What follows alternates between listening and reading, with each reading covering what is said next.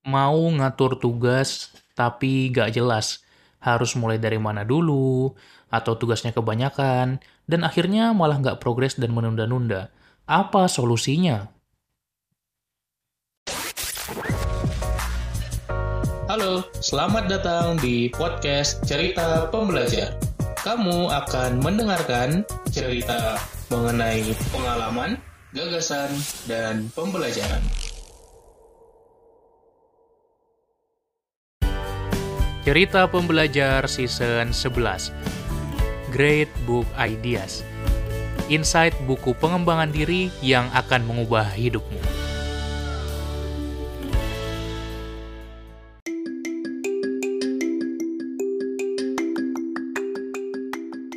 Hai Sobat Pembelajar, kembali lagi di podcast Cerita Pembelajar bareng gua Umar yang selalu membagikan tips terkait pengembangan diri dan produktivitas. Seperti biasa di season 11 ini kita akan ambil insight-insight menarik dari buku-buku pengembangan diri dan harapannya lo bisa langsung dapat inti sarinya, rangkumannya yang benar-benar practical dan bisa langsung lo terapkan dalam hidup lo. Kali ini kita akan mengambil buku tentang workflow management, tentang task management, dan time management, yaitu dari David Allen, Getting Things Done, The Art of Stress-Free Productivity gimana cara kita bisa merancang sistem produktivitas yang nggak bikin stres. Nah, Getting Things Done, seperti nama bukunya, memang benar-benar ngebantu kita untuk menyelesaikan pekerjaan-pekerjaan kita. Jadi ketika kita melihat horizon pengembangan diri, terutama dalam bidang produktivitas, ada bagian penting yaitu task management. Dan ini sebelum time management ya, kita perlu mengelola tugas-tugas kita dulu sebelum memasukkannya ke kalender atau jadwal. Jadi apa sih inti dari buku Getting Things Done ini? Kita harus tahu ketika kita mendefinisikan done dari sebuah tugas, itu kondisi done-nya itu seperti apa? Kondisi belum done-nya itu seperti apa? Kemudian kita perlu merancang workflow yang jelas tugas itu ketika masuk ke dalam daftar tugas kita bagaimana mekanismenya, kemudian bagaimana penjadwalannya, mana yang harus kita prioritaskan.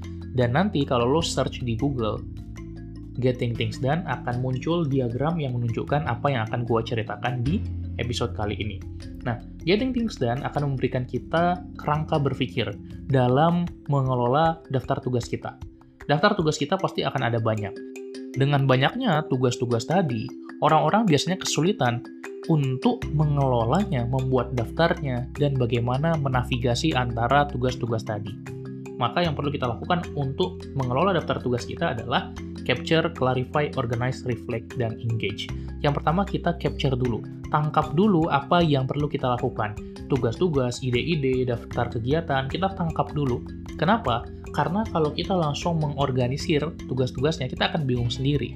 Ketika kita memikirkan secepat itu ya, ketika lebih awal kita memikirkan, kita biasanya bingung ini mau ditaruh di mana. Ke daftar tugas, ke kalender, ke sistem mana Apalagi kalau kita menggunakan banyak sistem. Jadi yang pertama, tulisin aja dulu. Jangan kita pikirin kita ngerjain kapan. Tulisin dulu capture yang pertama. Yang kedua, kita klarifikasi. Ketika kita menuliskan daftar tugas, kita harus menuliskannya dalam bentuk verb atau kata kerja. Jangan ada tugas skripsian. Itu bukan tugas, itu adalah sebuah proyek besar yang nggak jelas apa yang perlu dilakukan. Maka tulislah. Menulis paragraf 2 sampai 8 di bab 31 skripsi.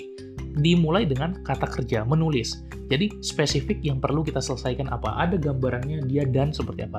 Beres tulisan baru selesai. Oke, okay? atau gue bikin desain presentasi slide untuk webinar pekan depan. Jadi udah jelas, gue mau menyelesaikan desainnya. Ya, jadi ketika kita membuat sebuah daftar tugas, harus pastikan mulai dari verb atau kata kerja. Yang ketiga, setelah kita klarifikasi, barulah kita organisir. Kita letakkan di mana ini harusnya gue letakin apakah di daftar tugas, apakah di kalender, apakah di sistem yang lain.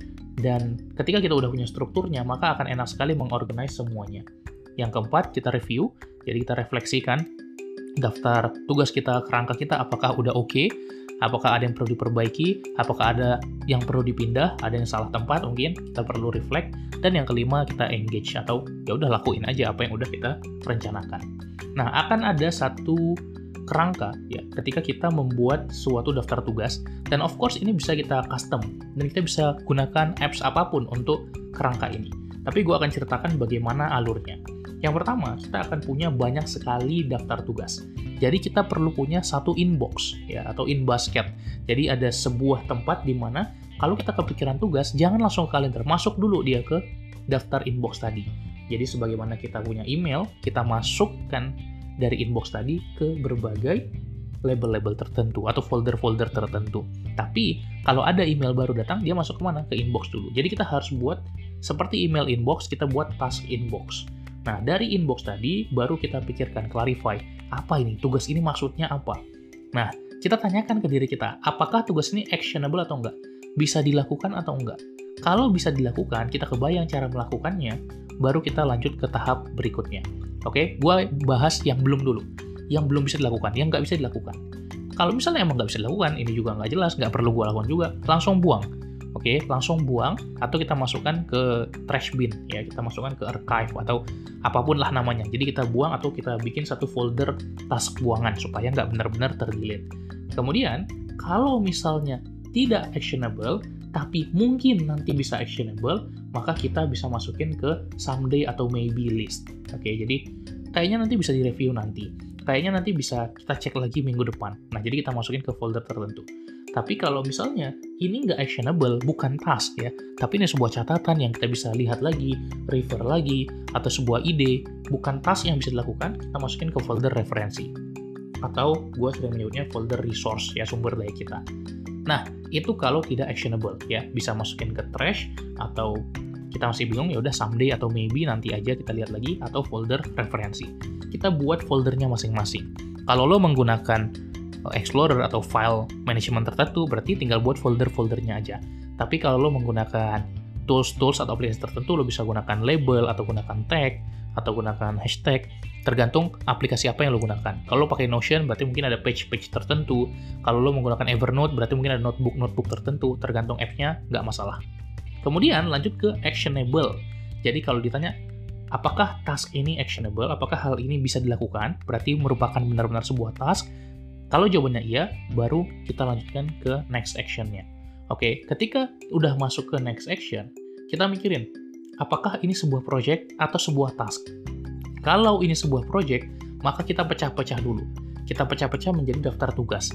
Kalau sebuah tugas terlalu besar, maka akan susah untuk kita melakukannya. Kita pastikan project ini dipecah dulu menjadi rencana-rencana project, sehingga satu project bisa terdiri dari daftar tugas tertentu.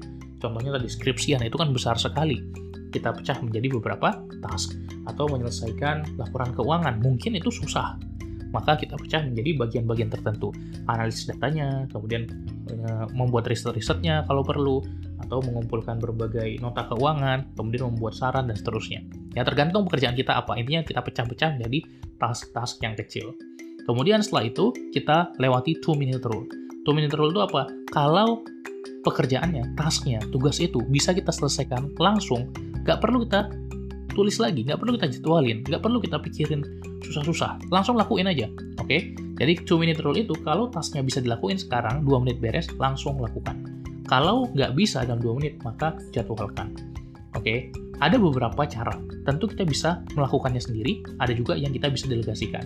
Kalau yang kita delegasikan, ya udah kita masukin ke sebuah folder, folder waiting, ya, nunggu hasilnya, kan kita nanti perlu review. Kita delegasikan ke tim kita, kita suruh dia ngerjain. Tapi kalau misalnya kita suruh doang, kita nanti lupa. Jadi kita bikin satu folder untuk folder waiting, berarti gue harus nunggu dia kirimin dulu, baru gue bisa lanjutkan task gue selanjutnya. Kemudian kita lakukan. Kalau kita lakukan, tentu nggak sekarang ya. Kalau sekarang kan nanti ngabisin waktu kita. Jadi kita masukin ke kalender. Kalau kita mau mengerjakannya pada waktu yang spesifik atau jadwal, misalnya lo pakai Google Calendar, atau kita masukin ke next actions kalau kita tidak mau melakukannya pada waktu yang spesifik. Jadi itulah yang kita sebut sebagai to-do list. Oke, jadi kita bisa masukin ke kalender, bisa juga ke to-do list, tergantung bagaimana sistem yang kita bangun dan bagaimana karakteristik dari tugas tadi. Jadi akan ada banyak folder ya. Ada folder tadi tong sampahnya, ada folder maybe yang kita belum kepikiran bakal kapan kita buka lagi. Kemudian ada folder referensi, ada folder waiting atau nunggu, ada kalender ya nggak harus folder sebenarnya, ada to do list, kemudian ada perencanaan project tadi. Jadi ada beberapa kategori-kategori dalam pengelolaan tugas yang perlu lo desain dan perlu lo rancang. Jadi setiap orang harus punya productivity system, itu wajib banget. Itulah kenapa gue nge-coachingin orang terkait productivity system untuk ngebangun workflow mereka, sistem produktivitas mereka. Oke, jadi kalau lo tertarik mau bekerja bareng gue, gue coachingin, gue bantuin untuk bangun productivity system lo, boleh DM gue aja. Nanti gue akan kasih tahu caranya seperti apa. Tapi kalau nggak, lo bisa explore sendiri dari episode ini dan benar-benar mulai praktekkan dengan cara lo sendiri. Silahkan di custom sesuai yang lo inginkan dan butuhkan. Itu aja untuk episode kali ini. Terima kasih banyak buat lo yang sudah mendengarkan. Jangan lupa follow di Spotify dan bagikan juga ke teman-teman lo. Kita jumpa lagi di episode-episode lainnya. Salam pembelajar.